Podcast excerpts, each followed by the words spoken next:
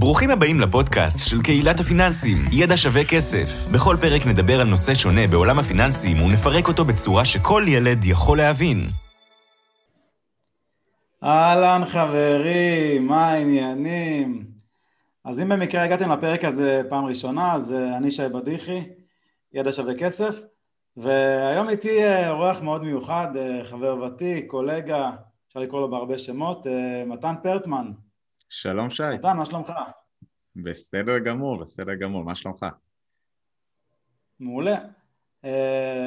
מתן הוא מנכ"ל, מנכ"ל שותף ומייסד ב- RM Group, והיום אני רציתי לראיין את מתן על, על נושא של multi family. זה מושג כזה שעולה הרבה בכותרות, גם ב, בכותרות שלנו בקבוצה, אבל גם בכותרות בעיתונות הכלכלית. אני בעצמי גם משקיע ב multi family, אבל אז מתן, בוא, בוא תספר לנו בכלל מה, מה זה multi family, מה, מה, מה זה בכלל, מה המושג הזה אומר? אז multi family למעשה זה מספר יחידות, זה יכול להיות במבנה אחד או במספר מבנים, אה, שאין להם פרצלציה, כלומר הכל הם תחת ישות אחת, ולעצם זה נכס שהוא מיועד אה, להשכרה. זה יכול להיות נכס יחסית קטן, כלומר שלוש, ארבע יחידות, אבל גם יכול להיות נכס אה, מאוד מאוד גדול שכולל אלף יחידות עם חדר כושר ובריכה ופסיליטיס כאלה ואחרים. רגע, רגע, אני רוצה רגע לעצור אותך. אנחנו פה בפודקאסט שלנו, אנחנו נוהגים לדבר במה שנקרא בגובה העיניים. וזרקת פה מושגים שאני אמנם מכיר פרצלציה, אבל בוא, בוא נסתכל לקהל קצת מה, מה זה בכלל פרצלציה למי שלא מכיר, ואז, ואז נתקדם. אוקיי, אז כמו כל אחד היום שגר בבניין בישראל, והוא גר בדירה ספציפית, יש מה שנקרא פרצלציה. פרצלציה באה ואומרת שכל דירה ודירה יש לה את הרישום הנפרד שלה. כלומר, אם אני גר בדירה 6 ואני אפתח נסח טאבו, את הנסח ש... מראה לי למעשה את התעודת זהות של, של הבניין, מה הגודל שלו, מי הבעלים של הדירות, אז אני אדע שאני הבעלים של דירה 6, הדירה הספציפית, ויהיה לה מספר, את אותו מספר זהות. כשאין את אותה פרצלציה, כל הדבר הזה, כל הבניין למעשה שייך, נקרא לזה, לגוף אחד. כלומר, אין חלוקה עכשיו בין יחידות. עכשיו, לפעמים קונה באמת את הבניין הזה ואת הדבר הזה בן אדם אחד, לפעמים קונים אותו כמה אנשים, אה, מה שבישראל אנחנו קוראים לזה הרבה פעמים אה, מושה. כלומר שלכל אחד יש חלק יחסי בתוך הבניין, אבל זה לא באמת מוגדר אה, בצורה אבסולוטית איזה חלק בדיוק נמצא. אז כשאנחנו מדברים על multi family, multi family זה לא טעות, ככה הוא נבנה, כלומר ככה הוא מיועד, הוא, למעשה מיועד כנכס להשכרה. לא יהיה, בו, לא יהיה בן אדם שיקנה multi family כדי אה, רק לגור בו, לפעמים הוא גם יגור בו, אבל הוא בעיקר ישכיר את שאר היחידות, אה, וההבדל העיקרי שהוא לא יכול עכשיו, בשונה מאם הוא היה מחזיק 100 בתים רגילים, למכור אחד-אחד. הוא יכול למכור או את הכל ביחד או לא למכור בכלל. הוא לא יכול להתחיל עכשיו למכור יחידה-יחידה או דירה-דירה. אה, זה אחד אולי ההבדלים העיקריים בהגדרה. יש כמובן עוד הבדלים, בעיקר בהסתכלות על, הנכס הזה, ואיך אנחנו מסתכלים עליו כמשקיעים, איך הבנק מסתכל עליו. אה, אני מניח שנצלול לזה בהמשך. מעולה, אז, אז, אז הבנ, הבנו מה זה multi family, אה, שיש לנו איזשהו owner אחד, בעלים של, של, של כל, כל הקומפלקס נקרא לזה, או יכול להיות גם מספר בניינים, אבל אנחנו יכולים להשכיר כל יחידה בנפרד עם חוזה, חוזה נפרד. אז עכשיו אני, אני תוהה לעצמי, למה צריך את זה? זאת אומרת, מה, מה, מה בכלל היתרונות של multi family?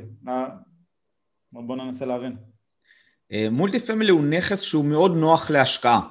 כלומר, הוא נכס שמייצר cash flow מאוד טוב, כי שוב זה נכס שהוא מיועד להשכרה, שמצד אחד נותן לך פיזור, כי אתה לא עכשיו משכיר יחידה אחת שאם יש בה איזושהי תקלה או סוחר שעכשיו לא משלם או סוחר שעוזב אה, ואתה תקוע איתו, ומצד שני זה נותן לך גם שליטה מאוד נוחה, בשונה מעכשיו לקנות 50 אה, דירות שמפוזרות לך ברחבי אה, עיר או, או אפילו כמה ערים, אה, אז מצד אחד זה נותן לך איזושהי שליטה מאוד מאוד נוחה, מצד שני זה נותן לך פיזור, כמובן שהדבר הזה יש לו עוד יתרונות שהם באים ביחד, כלומר היתרונות האלה הבסיסיים נותנים לך מימון מאוד נוח דרך הבנק, כי גם הבנק רואה את זה ככה. ה-cash flow שהוא מאוד מאוד באמת נוח ובעיקר יציב בגלל אותו פיזור. אבל בסוף מולטי פמילי הוא נכס נהדר אני אומר להשקעה כשכמובן עושים את הדברים נכון ויש אסטרטגיות שונות איך להשקיע ב multi family. מעולה, אז אולי עוד מעט נצלול קצת יותר גם לאסטרטגיות, אבל מה, מה, מה שנראה לי מעניין את, את המאזינים זה אם אני בתור שי, אני יכול עכשיו לקנות multi family? מחר בא לי לקנות multi family, אני יכול? אה, בוודאי, כמו שאמרתי, יש multi family שהם קטנים יחסית, כמובן ששי תלוי אה, בגודל אה, כיסך, אבל יש multi family שהם יחסית קטנים, ואז זה באמת אנשים יכולים לבוא ולקנות בעצמם ולהיות הבעלים היחיד של אותו multi family. ומה שהרבה יותר נפוץ אני חושב זה שיש multi family נקרא לזה בינוניים וגדולים מאוד, כלומר 20 יחידות, 30, 100, 1,000 יחידות, ואז באמת נקרא לזה למישהו מן המניין, הוא לרוב ייכנס כחלק אה, מקבוצה שתשקיע ב multi family, גם אם זה סוג של השקעה אלטרנטיבית וגם אם זה הרבה פעמים דרך, אה, אה, לפעמים דרך הפנסיה שלך, אתה אפילו לא יודע, אבל הפנסיה שלך או דברים כאלה מושקעים גם בחלקם אה, במולטי פמילי. אז נכון, אנחנו באמת רואים הרבה בעיתונות שהמוסדים, חברות כמו הראל, אלצ'ולר וכולי, תפסו אותי במילה, אני יכול לחפש, אבל אנחנו רואים שיש להם המון כסף, מיליארדים, והם לא רוצים תמיד לשים את הכל בשוק ההון וזה בסדר גמור ולמען הפיזור והמגוון הם הולכים לעוד, לעוד אפיקים. אז הם ירצו לקנות לפעמים איזשהו אה, נכס מולטי פמילי אה, אפילו הייתי אומר אה, בינוני עד גדול כי יש להם הרבה כסף שנותן cash flow, נותן תזרים מזומנים באופן קבוע. וזה משהו שמייצב לנו את התיק למקרה שיש לנו ירידה כמו שהיה לנו בקורונה במרץ ועכשיו ירידה מאוד גדולה עדיין, עדיין לא כל התיק מיטלטל אז אנחנו מפחיתים את, ה, את הסיכון בעצם זה שאנחנו מפחיתים את התנודתיות של התיק, מאוד מאוד חשוב. מעולה, אז, אז דיבר, דיברנו על, על, על שיש אה, כל מיני סוגי multi family, אבל מניסיוני רוב האנשים לא יקנו לבד אה, multi family, אה, כמו שאמרת תלוי בכיסך, כי לאדם הפשוט מהמניין כנראה אין מספיק הון לקנות multi family לבד, ולכן אנחנו לפעמים מתאגדים ביחד לקנות מולטי פמילי יותר גדול. אתה רוצה קצת להסביר איך זה עובד, העניין הזה? כן, אני אגיד שבאמת אה, בעולם ההשקעות, אני אגיד בעיקר, או בעיקר בארצות הברית, כי זה בעיקר התחיל מארצות הברית, אה, משקיעים לא קונים נכס ישירות בטאבו, כלומר לא מה שאנחנו מכירים בישראל שהם קונים את הבית שלהם ואותו הם מחזיקים, אלא למעשה עושים השקעות קבוצתיות אה, מתאגדים בהתאגדות מסוימת, לא משנה כרגע אם זה חברה או שותפות, זה נורא תלוי במקום ובסוג העסקה, אה, מכניסים כסף, לצורך העניין 100 אלף דולר אה, כל אחד, יש עשרה אנשים, כל אחד יש לו עשרה אחוז באותה אישות, ואותה אישות היא זו שלמעשה רוכשת את הנכס. ככה על ידי הקבוצה יש הון גדול יותר, ואפשר לקנות נכס גדול יותר או את הנכס הנכון לקנייה. אה, זה מאוד מאוד נהוג כי באמת כשאתה עושה השקעות מעבר לים, אה, נושא השליטה הוא נושא אה, מאוד מרכזי, כלומר אני גר עכשיו בישראל, איך אני אשלוט בנכס בארצות הברית, אז אני לרוב אביא, ואני שוב, אני בן אדם שעובד עוסק בדברים אחרים, כלומר זה לא העיסוק המרכזי שלי, אז אני כן ארצה לחבור למישהו שזה המקצוע שלו, זה מה שהוא עושה, זה מה שהוא עושה 24/7, זה הפוקוס שלו, ועל ידי כך שאני עושה את זה בסוג של שותפות, אני למעשה סוג של חובר אליו או ממנה אותו למי שאחראי על ההשקעה, אה, לטוב ולרע. כלומר, אני בא ואומר, אני לא מתכוון להתעסק בזה מבחינת זמן, אין לי את הידע, אין לי את הכלים, או שפחות הכלים והידע שלי מוגבלים, אני אה, סומך עליו במרכאות, כי אני גם כמובן עושה בדיקות ושם לי הגנות, אה, וככה מתאגד כשהוא אחראי על ההשקעה, אה, ובסופו של דבר אה, נהנה מהרווחים הפוטנציאליים גם בשוטף, גם במכירה, בסוף זה נכס לכל אה, דבר ועניין. מעולה, אז אמרת שיכול להיות בן אדם שאין לו את הידע והכלים, אז אם ניקח את זה דוגמה סתם בהשוואה נגיד לשוק ההון זה אותו דבר, בן אדם יכול לפתוח תיק מסחר עצמאי, בין אם זה בבנק, בבית השקעות או בברוקר זר למתקדמים, ולהשקיע על פי האסטרטגיה שהוא מכיר, יודע, אה, ומתאימה לו באופן אישי, והוא יכול אה, לשלם לאיזשהו בית השקעות, אה, כל בית השקעות שאתם פותחים בגמל להשקעה או עם, או עם חברת ביטוח, פוליסת חיסכון, או עם אפילו ניהול תיקים בבנק. אז, אז בסופו של דבר אתם צריכים להחליט מה, מה, מה נכון לכם, האם אתם רוצים להשקיע את הזמן שלכם ולהתמקצע ולהשקיע בעצמכם את הכסף שלכם, או אם אתם רוצים להיעזר בחברה שזה המומחיות שלה וזה מה שהיא עושה 24/7, 24/7 ואתם יכולים להמשיך להיות רופאים, עורכי דין, מתכנתים או כל דבר שאתם עושים בחיים. אז מעולה, אז אז, אז הבנו מה זה multi family, הבנו אה, אה, את הגדלים שלו, הבנו גם שאנחנו משקיעים בו כנראה, אה, חלקנו לפחות, דרך אה, קרנות הפנסיה שלנו. אז ועכשיו עכשיו, עכשיו, עכשיו מעניין אותנו להבין, אה, אוקיי, החלטתי ש multi family זה מעניין אותי, אה, החלטתי שאני אולי אפילו אה, רוצה להשקיע, אז, אז איך, איך מתחילים? זאת אומרת, מה, מה, מה, מה הכללים, מה הטיפים ש...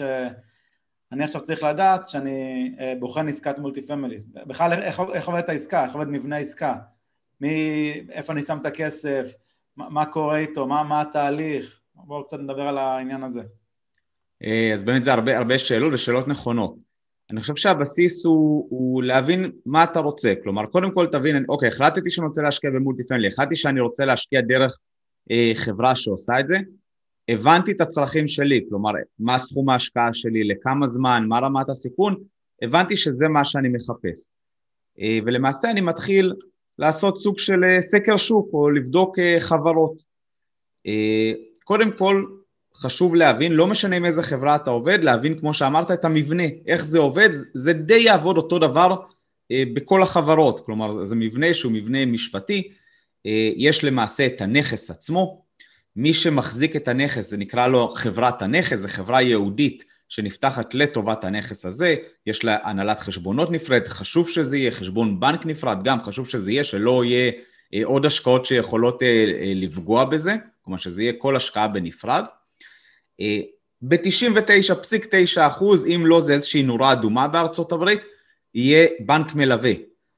הבנק המלווה למעשה נותן מימון ומשעבד את הנכס עצמו, אה, ומי שיהיה הגרנטור, זה גם חשוב להגיד, הערב להלוואה של הבנק, אה, זה לא יהיה, המש... זה לא יהיה אתה, כלומר לא המשקיע שאין לו באמת אה, יכולת או התעסקות או ידע או כלים, אז הוא לא, הוא לא יכול להיות אחראי וערב להלוואה הזאת, אלא מי שיהיה ערב זה מי שאחראי, כלומר המנהל של העסקה, הוא גם זה שבזכותו יהיה המימון הבנקאי, כלומר הבנק מלבד בדיקת העסקה גם בודק אותו, בודק את היכולת שלו, בודק את הרקורד שלו, אה, את הידע שלו, את הכלים, כלומר הוא בודק מה, מה ההיסטוריה שלו, בגלל זה אני אומר זה איזשהו אה, גושפנק או איזשהו אישור אה, מאוד טוב שאפשר לקבל בארצות הברית. מי שמחזיק בחברת הנכס יהיה למעשה אותה חברת משקיעים, אם אתם זוכרים מה שדיברנו שמתאגדים המשקיעים ביחד, כל אחד לפי חלקו, והם למעשה הבעלים של חברת הנכס. בדרך כלל הם לא יהיו היחידים שיהיו הבעלים של חברת הנכס, אלא גם אותו יזם, כי אנחנו רוצים אה, ומצפים, אולי אפילו מבחינתי זה אה, אה, קו אדום, שהוא ישקיע גם מכספו. אז אם הוא עכשיו שם לצורך העניין עשרה אחוז מעלות הפרויקט, אז יהיה לו עשרה אחוז, כי זה הכסף שהוא, שהוא הכניס. אז שוב אני חוזר, יש את הנכס, מי שמחזיק בנכס ישירות זה חברת הנכס, אותה חברה יהודית, מי שמחזיק בחברת הנכס זה חברת המשקיעים, מה שנקרא ה-LP, או ה-LLC שאנחנו קוראים לו, אבל אה, בגדול LP, כי זה המשקיעים הפסיביים, אה, וה-GP, שזה ה-General Partner, זה מי שמנהל, אה, כל אחד לפי האחוז שלו. בדרך כלל, או לא אגיד בדרך כלל, אבל לפעמים יש גם מסלול נוסף שהוא מאוד נפוץ בארץ, מסלול של חוב. כלומר, אנשים שבאים ואומרים, אני לא רוצה להיות משקיע, לא רוצה ליהנות אה, מה, מהפוטנציאל הרווח הגבוה, אבל גם לא, אה, אה, אבל גם להוריד לי את הסיכון מנגד, ולכן אני אשקיע בסוג של השקעה אחר במסלול חוב. כלומר, אני נותן הלוואה למשקיעים, לחברת המשקיעים, כמובן שהבנק קודם אליי, אני יודע שיש לי ריבית גבוהה שאני מקבל, אם הנכס עושה יותר, אני לא ייהנה מזה, אם הנכס עושה פחות, עד רמה מסוימת כמובן, כי גם פה יש סיכון, אה, אני לא איפגע. כלומר, אם עכשיו התפוסה תרד אה, והמשקיעים הרגילים, אה, השכירות שלהם תיפגע, אני קודם כל אקבל את הכסף שלי, אני קודם אליהם, וזה באמת יהיה איזושהי, איזשהו נדבך בצד שנותן את ההלוואה לחברת המשקיעים. לרוב עושים את זה שכל מלווה מלווה באופן ישיר, זה נכון יותר מיסויית ולא תחת איזושהי התאגדות.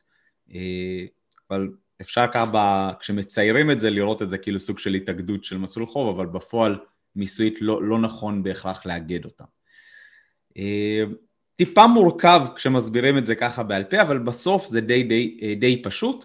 כשבסוף מגיעים לפגישה אה, לבחון השקעה, חשוב להבין את זה, כלומר חשוב שנייה לראות, שאפילו ישרטטו את זה, שרטוט מאוד פשוט, איך המתווה עובד, כי אחרי זה שאתם תקבלו את ההסכמים המשפטיים וחשוב לעבור עליהם, אתם צריכים לראות שהמבנה הזה באמת תואם, כלומר שמה שאמרו לכם הוא באמת תואם מבחינת אה, אותם הסכמים והדברים בנויים אה, כמו שצריך. אז אני, אני, אני רוצה רגע לחדד מה שאמרת, כי זה, זה מעולה, אבל מי שאולי שומע את זה או שומעת את זה פעם ראשונה, לפעמים אה, דברים לא, לוקח זמן להתקל. אה, אז מאוד קל להגביל את זה שוב לשוק ההון. אה, כלומר, אם, אם אני אסתכל על משקיעי החוב במקרה הזה, הם, הם קצת מזכירים משקיעי אג"ח. כלומר, אנחנו נותנים, נותנים הלוואה, מצפים לקבל ריבית קבועה, פשוט אג"ח הוא נסחר, לא ניכנס לזה כרגע, ופה אנחנו לא כך סוחרים בהלוואות, אבל אנחנו מקבלים איזושהי ריבית קבועה, איזשהו קופון, אה, אחת, אחת ל-X זמן, זה לא משנה כרגע אה, מה התקופה, ובמקביל אה, יש גם מניה יכול להיות של, של אותה חברה, זאת אומרת מי, מי שמשקיע במניה של אותה חברה ייהנה מהרווחים אם המניה עולה ויפסיד אם, אם המניה יורדת, אבל מי, מי שרק משקיע באיגרת חוב לצורך העניין הוא לא אכפת לו אם המניה עולה או יורדת כי הוא אמור לקבל את הקופון שלו את התשלום, אה, את הריבית על ההלוואה, כל עוד אה, מי שנותן לו את ההלוואה מצליח לעמוד בזה. וגם כאן, כל עוד אה, העסקה, העסקה מצליחה, ולא לא, לא רק מצליחה, אלא לא נכשלת באחוז ניכר, נגיד ככה, אז משקיעי החוב הם די מוגנים. אז זה ככה ההגבלה שלי לשוק ההון, מי שקצת יותר מכיר את שוק ההון ופחות מכיר את עולם הנדל"ן ובפרט המולטי פמילי. אה,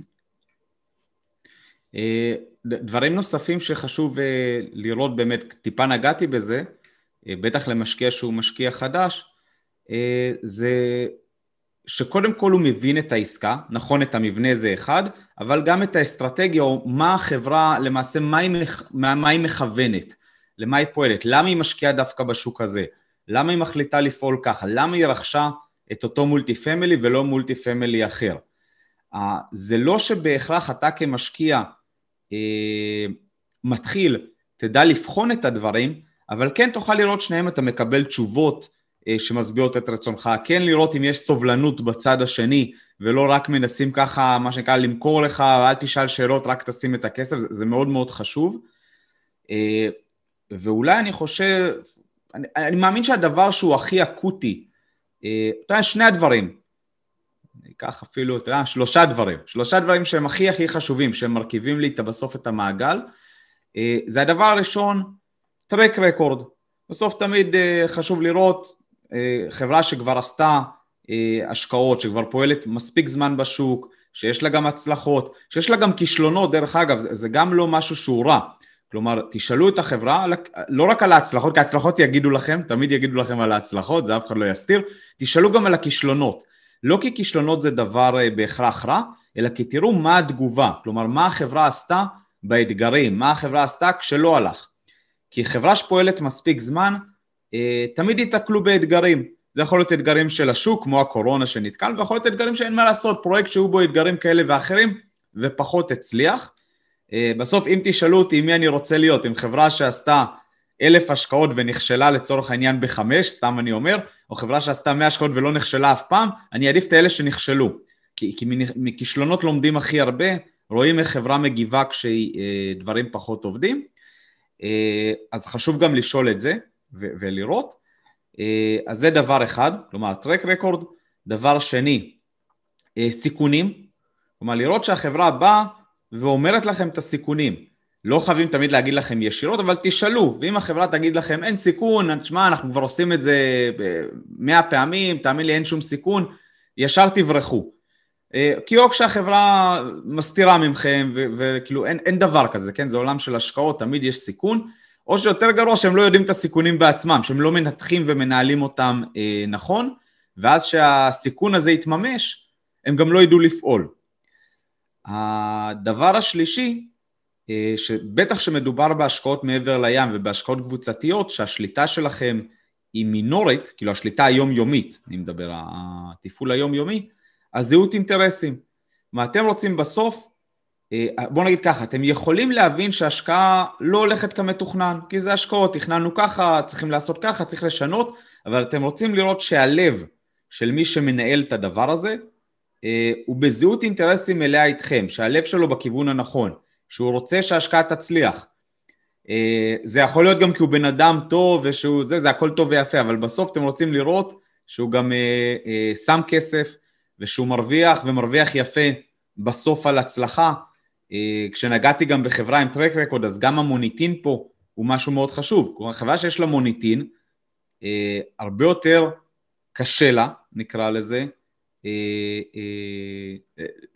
לא, לא להפסיד, אלא במירכאות לנטוש או, או לעשות עבירות מול משקיעים. כי הטרק רקורד פה הוא אקוטי, אבל כמובן הזהות אינטרסים הזאת של השקעה ביחד, של חלוקת רווחים לפי הצלחה, אה, אלה דברים אה, סופר אה, חשובים. אפשר לסכם את זה במשפט, put your money where your mouth is. אז זה לגמרי, אם, אם מישהו לא מוכן לשים את הכסף של עצמו, אז זה, זה מדליק איזושהי נורה.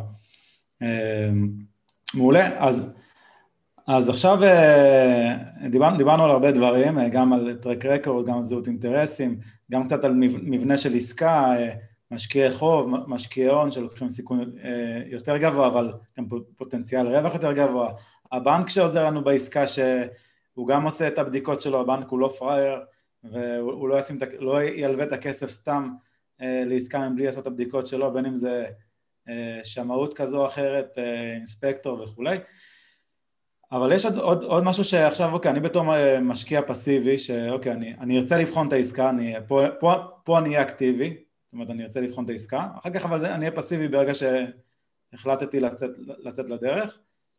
איזה בטוחות אה, נהוג לתת למשקיע? זאת אומרת, מה, איך, איך הוא יודע שהוא יכול להגן על עצמו? זאת אומרת, מה, מה כדאי לו לבדוק? בפועל, אה, כמשקיע שהוא משקיע הון, הבטוחה ה, אה, העיקרית שלו זה שהוא מחזיק באחוזים בחברה שמחזיקה בנכס, כן? זה כמו שהבטוחה שלך כשאתה מחזיק במניה זה שזה רשום לך בבנק, כן? שיש מניה, זה אין לך באמת בטוחה שהמניה תעלה או תרד, הבטוחה שלך זה ההחזקה. אמ, ההגנות שכן צריך לבדוק זה א' שבאמת הבטוחה הזאת קורית, כלומר שהנכס והאחוזים נרשמים על שמך, שאתה לא בא עכשיו למישהו שלוקח את הכסף שלך ואומר לך כן כן רשמתי אבל בפועל לא נרשם כלום ולא נרשם שום דבר, ופתאום הבן אדם נעלם. אה, ולכן אה, העברת הכספים צריכה להיות, אה, בדרך כלל זה, זה, זה נהוג מאוד לעורך דין נאמן בישראל, אבל לפעמים עושים את זה גם עם עורך דין נאמן אמריקאי, זה גם בסדר, אבל לרוב זה באמת בישראל, שלמעשה הכסף שוכב אצלו בנאמנות עד סגירת העסקה, והוא מעביר את הכסף לטובת סגירת העסקה בלבד ודואג למעשה לרישום, שהרישום הוא באמת אה, נכון. שלא יהיה מצב, כי דברים כאלה יכולים לקרות, שאתה מעביר את הכסף עכשיו אה, לאותו יזם, ובסוף, כן, לא, לא באשמתו, העסקה מתבטלת, כן, קרה משהו, משהו זה, העסקה התבטלה. עכשיו אתה צריך להתחיל לרדוף שהכסף יחזור אליך, ויכול להיות שכבר חלק ממנו ישתמש כי הוא שילם לעורך דין או לאדריכל או אני לא יודע למי, ופתאום אין לו כסף להחזיר, ולכן עדיף שהכסף ישכב עד אשר הרכישה עצמה מתבצעת והבטוחה שלך, שזה אותו נכס, נרשם על שמך. שאר למעשה ההגנות שלך, אם אני אשים את זה עם יד על הלב, זה באמת מה שנגעתי קודם, הבדיקה של החברה עצמה, כי בסוף, עם כל הכבוד להשקעה ולנדל"ן, שוב, כיוון שזה רחוק וכיוון שהידע שלך מוגבל, הנדל"ן עושים עם אנשים. אה, ולכן ההצלחה של הפרויקט לא פחות מאשר הנכס שאתה קונה, זה גם החברה שאתה עושה איתה את ההשקעה. אה, ועל כן מאוד מאוד חשוב לבדוק את אותה אה, חברה בדרכים שנגעתי קודם. דבר נוסף שהוא כמובן חשוב, זה ידע. נכון שלא יהיה לך ידע כמו לאותה חברה, אבל ככל שאתה לא תבוא, נקרא לזה כצאן לטבח, אלא כן עם ידע, אני יכול להגיד שב... עשר שנים האחרונות כמות הידע אה, שיש היא אסטרונומית. כלומר, פעם היו בודדים האנשים שהיו הולכים ומשקיעים, היום בכל פורום, בטח אצלכם, בידע שווה כסף, זה, זה באר של ידע אינסופי, של אנשים שעשו את זה כבר, של אנשים שחוו הצלחות, של אנשים שחוו כישלונות, של בעלי מקצוע. כלומר, אל תשתמשו בזה, כלומר יש היום המון המון ידע וחבל לא להשתמש בו. אני אגיד שגם בשוטף, נכון שאתה פסיבי ברמה היומיומית של ניהול הנדל"ן, אבל כן חשוב לראות שיש דוחות ויש דוחות רבעוניים בדרך כלל ושנתיים שמספרים על ההשקעה, וכשאתה לא מבין משהו בדוחות האלה, או לא, משהו לא ברור לך, אז אתה שואל ובאמת מקבל תשובות. כי אם אתה לא מקבל תשובות, שוב, ופתאום השירות הוא מדהים, והכל מצוין, עד שאתה חותם על העסקה, ואחרי זה איפשהו כולם נעלמים, אז זה גם מראה על משהו. וזה מדליק נורה אדומה, כן? אפשר לפעול גם תוך כדי, לא רק לחכות לסוף. ולכן גם אחרי העסקה, הבקרה השוטפת על ידי דוחות, על ידי שאלת שאלות, על ידי קשר שוטף עם אותם אנשים, שוב, זה לא צריך להיות ביום יום, אבל זה כן, פעם ברבעון, זה, זה מאוד מאוד חשוב. בדיוק כמו שגם על התיק המניות שלך, פעם ב- אתה פותח ומסתכל, כן? יש כאלה שכל יום ויש כאלה שפעם בחצי שנה, אבל אתה לא אה, מזניח את זה לחלוטין. לגמרי, בהקשר שאמרת של ידע, אז uh, מי, ש, מי שלא מכיר, uh, אולי גם נשים פה לינק uh, מתחת לפודקאסט, יש לנו קונספט מגניב שקם, שנקרא פלוגת המשקיעים, שבו אנחנו למעשה uh, נותנים ידע, uh, שהוא לא רק פוסטים, uh, ידע בוובינרים והרצאות, בכל מיני נושאים שקשורים לנדל"ן בחו"ל, ואנחנו מתאגדים כקבוצה בשביל אה, לשתף אחד את השני, זאת אומרת, אנשים שזה מעניין אותם, זה יכולים לשתף גם מהניסיון האישי שלהם מצד אחד, וגם אה, לבחון עסקה קונקרטית, זאת אומרת, יש עסקה כרגע על השולחן, בואו בוא נתאחד כולנו אה, ונבחן את העסקה, אחד יבדוק בגוגל מפ, באמת שהנכס, הזיפ קוד שלו הוא נכון, השני יבדוק שמי שאמרנו שיש אוניברסיטה ליד, ליד, המיקו, ליד ה... מולטי פמילי נניח, אז באמת יש שם אוניברסיטה ו... והשלישית, זאת אומרת ביחד אנחנו גם נקצר זמנים בבדיקה וגם נרגיש יותר בטוחים כי לא רק אנחנו בדקנו אלא עוד אנשים בדקו כי בסוף כמו שאמרנו ידע לא חסר אבל לפעמים אה, אם אנחנו בתחילת הדרך והאמת שגם אנחנו לא בתחילת הדרך אם זה לא העיסוק העיקרי שלנו לוקח זמן לבדוק את העסקה אז מי שזה מעניין אותו אה, אנחנו נשים פה לינק למטה. אה, מעולה אז, אז בואו נדבר רגע באמת על, אה, על אסטרטגיות, כי הרי אפשר לקנות multi family אה, מה שנקרא בשביל אה, להחזיק, כמו, כמו דירה שאני עכשיו קונה ורוצה רק את השכירות, אפשר אולי לקנות multi family בשביל אקזיט נקרא לזה, לא יודע אם מהיר או לא מהיר, זה, זה אתה אולי יותר תפרט, אבל בשביל להגדיל את ההון, בשביל למכור בתוך מספר שנים ולהתקדם לעסקה הבאה. אז אה, בואו בוא נראה איזה, איזה, איזה, אסטרטגיות יש ול, ולמי מתאים איזה אסטרטגיה. אז אה, אני אתחיל מזה, קודם כל אסטרטגיה שנייה מלמעלה. כלומר, באמת אתה נוגע, אה, בכלל נוגעים הרבה גם בשוק ההון. כלומר, חשוב להגיד ש multi family או בכלל השקעות אלטרנטיביות הם חלק מתוך תיק ההשקעות הכללי שלך. כלומר, הם צריכים לתת איזשהו מענה בראייה קצת יותר אה, הוליסטית. כלומר, למה אני צריך להשקיע ב multi family אם אני יכול לקבל cash flow מ, לא יודע, קרנות ריט או מניות אה, דיבידנד ו- וכאלה. אז בסוף כשמסתכלים על תיק השקעות, והשקעות אלטרנטיביות זה משהו שמאוד עלה ב-20 שנה האחרונות, עשה קפיצה ב-10 שנים האחרונות, אבל ב-20 שנה האחרונות הוא התחיל עלייה מהותית. זה בדיוק לזה, לאותו גיוון תיק השקעות ש... אה, הרבה פעמים כשאתה אה, אתה רוצה לפזר בין, לפעמים אתה כאילו מפזר, כלומר אני אומר אני שם קצת אג"ח, אני שם מניות, אבל זה לא באמת פיזור אמיתי, כי הם עדיין מושפעים מאותם גורמים כלכליים. ואז באו השקעות אלטרנטיביות ואמרו, זה דברים שהם טיפה שונים, דברים שהם הרבה פעמים כשהדבר, כששוק ההון לצורך העניין, או דברים אה, דומים, מושפעים, אותם השקעות אלטרנטיביות הן דווקא מגנים, מגנות עליך והן לא, לא עובדות באותה, תמיד באותה דרך. עכשיו, כשאני נכנס להשקעה של מולטי פמילי, אם אני צולל פנימה, יש כל מיני אסטרטגיות, אני אגע בשתי אסטרטגיות אולי העיקריות והמהותיות ביותר. אסטרטגיה אחת היא אסטרטגיה של cash flow לטווח ארוך, כלומר אני בא, אני רוצה להחזיק multi family, אני קונה אותו באזור טוב, אני יודע שיש שם ביקוש גבוה לשוכרים, תשואה שהיא סך הכל טובה, אבל בעיקר אני רוצה יציבות. מי שמאוד אוהב סוג כזה של multi family זה לדוגמה מוסדיים, הם לא מחפשים עכשיו הרפתקאות, הם לא מחפשים עכשיו בלאגן, הם לא מחפשים עכשיו אה, אזורים שצפויים לעלות, או עכשיו איזה מולטי פמילי הרוס שצריך להשביח אותו, הוא רוצה את ה-cash flow שלו, אה, אה, בלי בלאגן, בלי עכשיו עבודה קשה מדי, אה, והוא, ויש לו סובלנות גם, כלומר יש לו כסף, יש לו סובלנות, הוא לא צריך נזילות עכשיו אה, שהוא חייב למכור, יש לו הרבה יותר סובלנות. אה, וזה גם, גם משקיעים שזה מתאים להם, כן? לא רק למוסדיים. אה, זה סוג אחד. אני בא, אה, משקיע, מקווה שערך הנכס יעלה גם כי האזור יעלה, אבל גם אם לא, לא נורא, ממשיך להחזיק, כלומר אני רוצה לדאוג ל cash flow שלי. לאט לאט אני אחזיר את המשכנתה שלי גם, כאילו הזמן אני אעשה אולי refinance, או בסוף אמכור, או לעולם לא אמכור בפועל.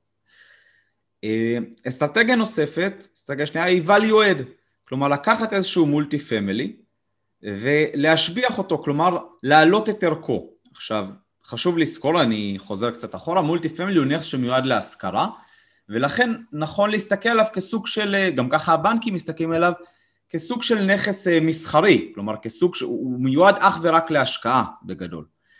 אה, והוא למעשה סוג של עסק, אוקיי? שיש לו הכנסות, שזה השוכרים, יש לו הוצאות, שזה הוצאות אה, תפעול, הוצאות בלאי אה, ואלף ואחד דברים, אבל בסוף השווי של אותו multi family הוא ככל שהוא מייצר לי בוודאות גבוהה יותר, הכנסה גבוהה יותר, רווח גבוה יותר, נכון, NOI, רווחי תפעול גבוהים יותר. כלומר, אם אני אקח את אותו multi family בדיוק ואצליח להעלות את ההכנסות שלו ולהוריד את ההוצאות שלו, או במילים אחרות להגדיל את אותו NOI, את אותו רווח תפעולי, השווי שלו יהיה גבוה יותר, כי הוא מכונה שמייצרת יותר כסף. מגע. וזה המטרה שלי. המטרה שלי זה לקחת את אותו מולטי פמילי ולגרום לו להיות רווחי יותר. וכשהוא רווחי יותר, אני יכול למכור אותו במחיר גבוה יותר לבא אחריי. איך אני עושה את זה? בהרבה מאוד דרכים. או שאני קונה מולטי פמילי שהוא במצב פחות טוב, כי הבעלים לא ניהל אותו כמו שצריך, כי קרה איזשהו משהו והתפוסה ירדה והוא היה חייב למכור אותו כי לא היה לו עוד כסף להשקיע בו. אה, ואז אני בא ומשקם אותו. זה יכול להיות על ידי שיפוץ של החללים המשותפים, זה יכול להיות שיפוץ של היחידות עצמם, זה יכול להיות סתם נכס שלא מנוהל כמו שצריך, עכשיו מישהו מנהל אותו מרחוק, הוא משכיר את כל היחידות במחיר שהוא נמוך מאוד ממחיר השוק, יכול להיות גם שהוא פשוט מחזיק אותו כבר 20-30 שנה ולא מעניין אותו עכשיו להתחיל אה, להתעסק עם הסוחרים ולהעלות שכירויות ושסוחרים יתפנו ולהביא סוחרים חדשים זה פחות רלוונטי עבורו אה, אבל אתה מזהה שאיזשהו פער שאתה יכול באמת להשביח את הנכס. אז זה יכול להיות באמת על ידי העלאת ההכנסות כמו שנגעתי, העלאת שכירויות כי מזהים שיש איזשהו פער בפוטנציאל, השבחות ועל ידי זה העלאת השכירויות, אה, הוספת הכנסות נוספות, חדרי כביסה, חניות, מחסנים, כל דבר כזה זה, זה מוסיף עוד כסף, וגם אם היא תוספת יחסית קטנה אה, בש, בשוטף, היא שווה הרבה מאוד במכירה, כי במכפלה יש מה שנקרא מכפילים אה, מבחינת השווי. אה, זה צד אחד. צד שני, זה להוריד את ההוצאות. להוריד את ההוצאות גם יכול להיות על ידי אה, אה, אה, הורדה של חשבונות החשמל על ידי העברה לנורות אה, חסכוניות יותר. זה יכול להיות על ידי שסתומים כאלה למים שהם חוסכים אה, בחשבונות המים. אה, זה יכול להיות על ידי החלפת הדוודים שחוסכים, בח... שהם ישנים מאוד והם חוסכים ככה בעלויות הגז אה, ואלה ואחד דברים, או אפילו כל מיני דברים שבסוף גורמים לך להביא הלוואה ירוקה, כלומר של, של נכס שאתה, שהוא בגדר שמירה על הסביבה לצורך העניין, כל מיני דברים כאלה. יש המון המון דרכים יצירתיות ולא יצירתיות, שבסופו של דבר מעלים לך את השורה התחתונה. ככל שהשורה התחתונה, אותו רווח תפעולי עולה, שווי הנכס שלך אה, יעלה. שוב, כמובן שהכל הוא בהנחה שהשוק נשאר אותו דבר, כן? שאני עושה את זה במשך עכשיו שנה, שנתיים, שלוש, והשוק לא השתנה באופן דרסטי. אה, עכשיו, כשהולכים לאסטרטגיה כזאת, כמובן שהטווח הוא קצר יותר. אני עושה את הדבר הזה בשונה מאיזשהו פליפ בבית, שזה יכול להיות חצי שנה כזה של עבודה, פה זה לוקח זמן, כי זה קומפלקס עם הרבה מאוד יחידות, אתה לא יכול עכשיו לפנות את כל הדיירים בבום אחד, כי א', אתה תגיע ל-cash flow שלילי, הבנק כבר ידפוק לך על הדלת כי הוא יילחץ, וגם אתה לא יכול לפנות ככה סוחרים אה, על ימין ועל שמאל, אז אתה עושה איזשהו באיזשהו דירוג מסוים, איזושהי תוכנית כזאת, שאתה כבר יודע מראש מתי כל סוחר צריך לעזוב, מתי החוזה שלו נגמר, איך אני אולי מעביר סוחרים מיחידה ליחידה, כדי להתחיל לשפץ כבר יחידות מסוימות, אתה בונה ממש תוכנית, היא יכולה לקחת שנה, יכולה לקחת שנתיים, יכולה לקחת שלוש, תלוי בגודל המתחם אה, ובאמת בכמות ההשבחה, אבל ברגע שסיימת את אותה השבחה, אתה רוצה לעשות איזשהו ייצוב של הנכס, כלומר, הרי כל ההשבחה הזאת פגעה לך בהכנסות, כי אתה מרוקן דירות, כי אתה מוציא הרבה כספים, אז אתה רוצה לעשות איזושהי התייצבות, התייצבות הכוונה להראות רווחים תפעוליים אה, מקסימליים, אה, על פני שלושה חודשים, חצי שנה, שנה, כי בסופו של דבר, תחשבו שנייה כשאתה קונה עכשיו עסק, אוקיי? כי אני מזכיר, אמרתי שזה כמו עסק, אתה רוצה שהוא יהיה כמה שיותר רווחי, אבל לא פחות חשוב, לכמה שהוא כבר רווחי לאורך זמן, כלומר שזה לא איזושהי הבלחה של חודש אחד אה, מוצלח, אלא שזה באמת לאורך זמן, ואז אתה למעשה הולך למימוש הנכס. אה, למה אתה לא תגרור את זה עכשיו עוד שנים? כי את ההשבחה שלך כבר עשית. כלומר, מפה הנכס כבר יהיה לך מאוד קשה להשביח אותו בצורה, אה, בפער ניכר, וזה למעשה שוחק לך את הרווחיות. למה זה שוחק לך את הרווחיות? דבר אחד שאם באמת עשית השבחות ושיפצת אז לאט לאט זה מתיישן, כלומר יש לך פחת על הדבר הזה, והדבר השני הוא שלדוגמה עשית עכשיו השבחה שהעלתה לך את ערך הנכס ב-30 סתם לצורך הדוגמה, העלית את ערך הנכס ב-30 תוך שנה, אז אם תמכור עכשיו את הנכס עשית 30 לשנה, אבל אם עכשיו תמכור אותו אחרי חמש שנים, אז את ה-30 שעשית, אתה לא עושה אותם כל שנה, אתה משביח את הנכס ב-30 אז עכשיו למעשה עשית את אותם 30 אבל על חמש שנים. אה, שוב, אני תמיד מסתכל על הדברים האקטיביים שאני יכול לעשות, ולא על זה שהשוק יעלה או לא, כי באותה מידה, כמו שאני חושב שהוא יעלה, הוא גם יכול אה, לרדת. אני אה, רוצה לפעול בצורה אקטיבית, ולכן באמת נכון לעשות מימוש בשלב הזה. כמובן שבאסטרטגיה כזאת צריך לפעול בהתאם על ידי המימון, שהנקודות יציאה יהיו נוחות, כלומר צריך את כל התוכנית הזאת לסגור בכל מיני קצוות כאלה ואחרים, צריכים לראות שאתה אה, יודע מה, מה אתה עושה למעשה, כי אם לא זה פשוט עולה לך כסף אחר כך לתקן את הטעויות האלה. אה, אז זה אסטרטגיה שנייה. אני אגיד שבענייני המימוש, בטח ב-value add, מימוש יכול ללכת בשני ערוצים. אחד זה כמובן מכירה, שזה הכי קל ופשוט, פשוט מוכרים את הנכס. אופציה שנייה היא על ידי מחזור המשכנתה, כלומר refinance. אה, העלית את שווי הנכס, הוא שווה עכשיו שווי חדש, אתה הולך לבנק, מביא שמאי, ולמעשה מקבל מימון מחדש, את אותו אחוז מימון לצורך העניין, אבל הסכום גבוה יותר, ומה שאתה עושה, אתה למעשה מושך קרן הביתה, את הכסף שהשקעת הביתה. מה הרווחת מזה? אחד, הסיכון שלך ירד.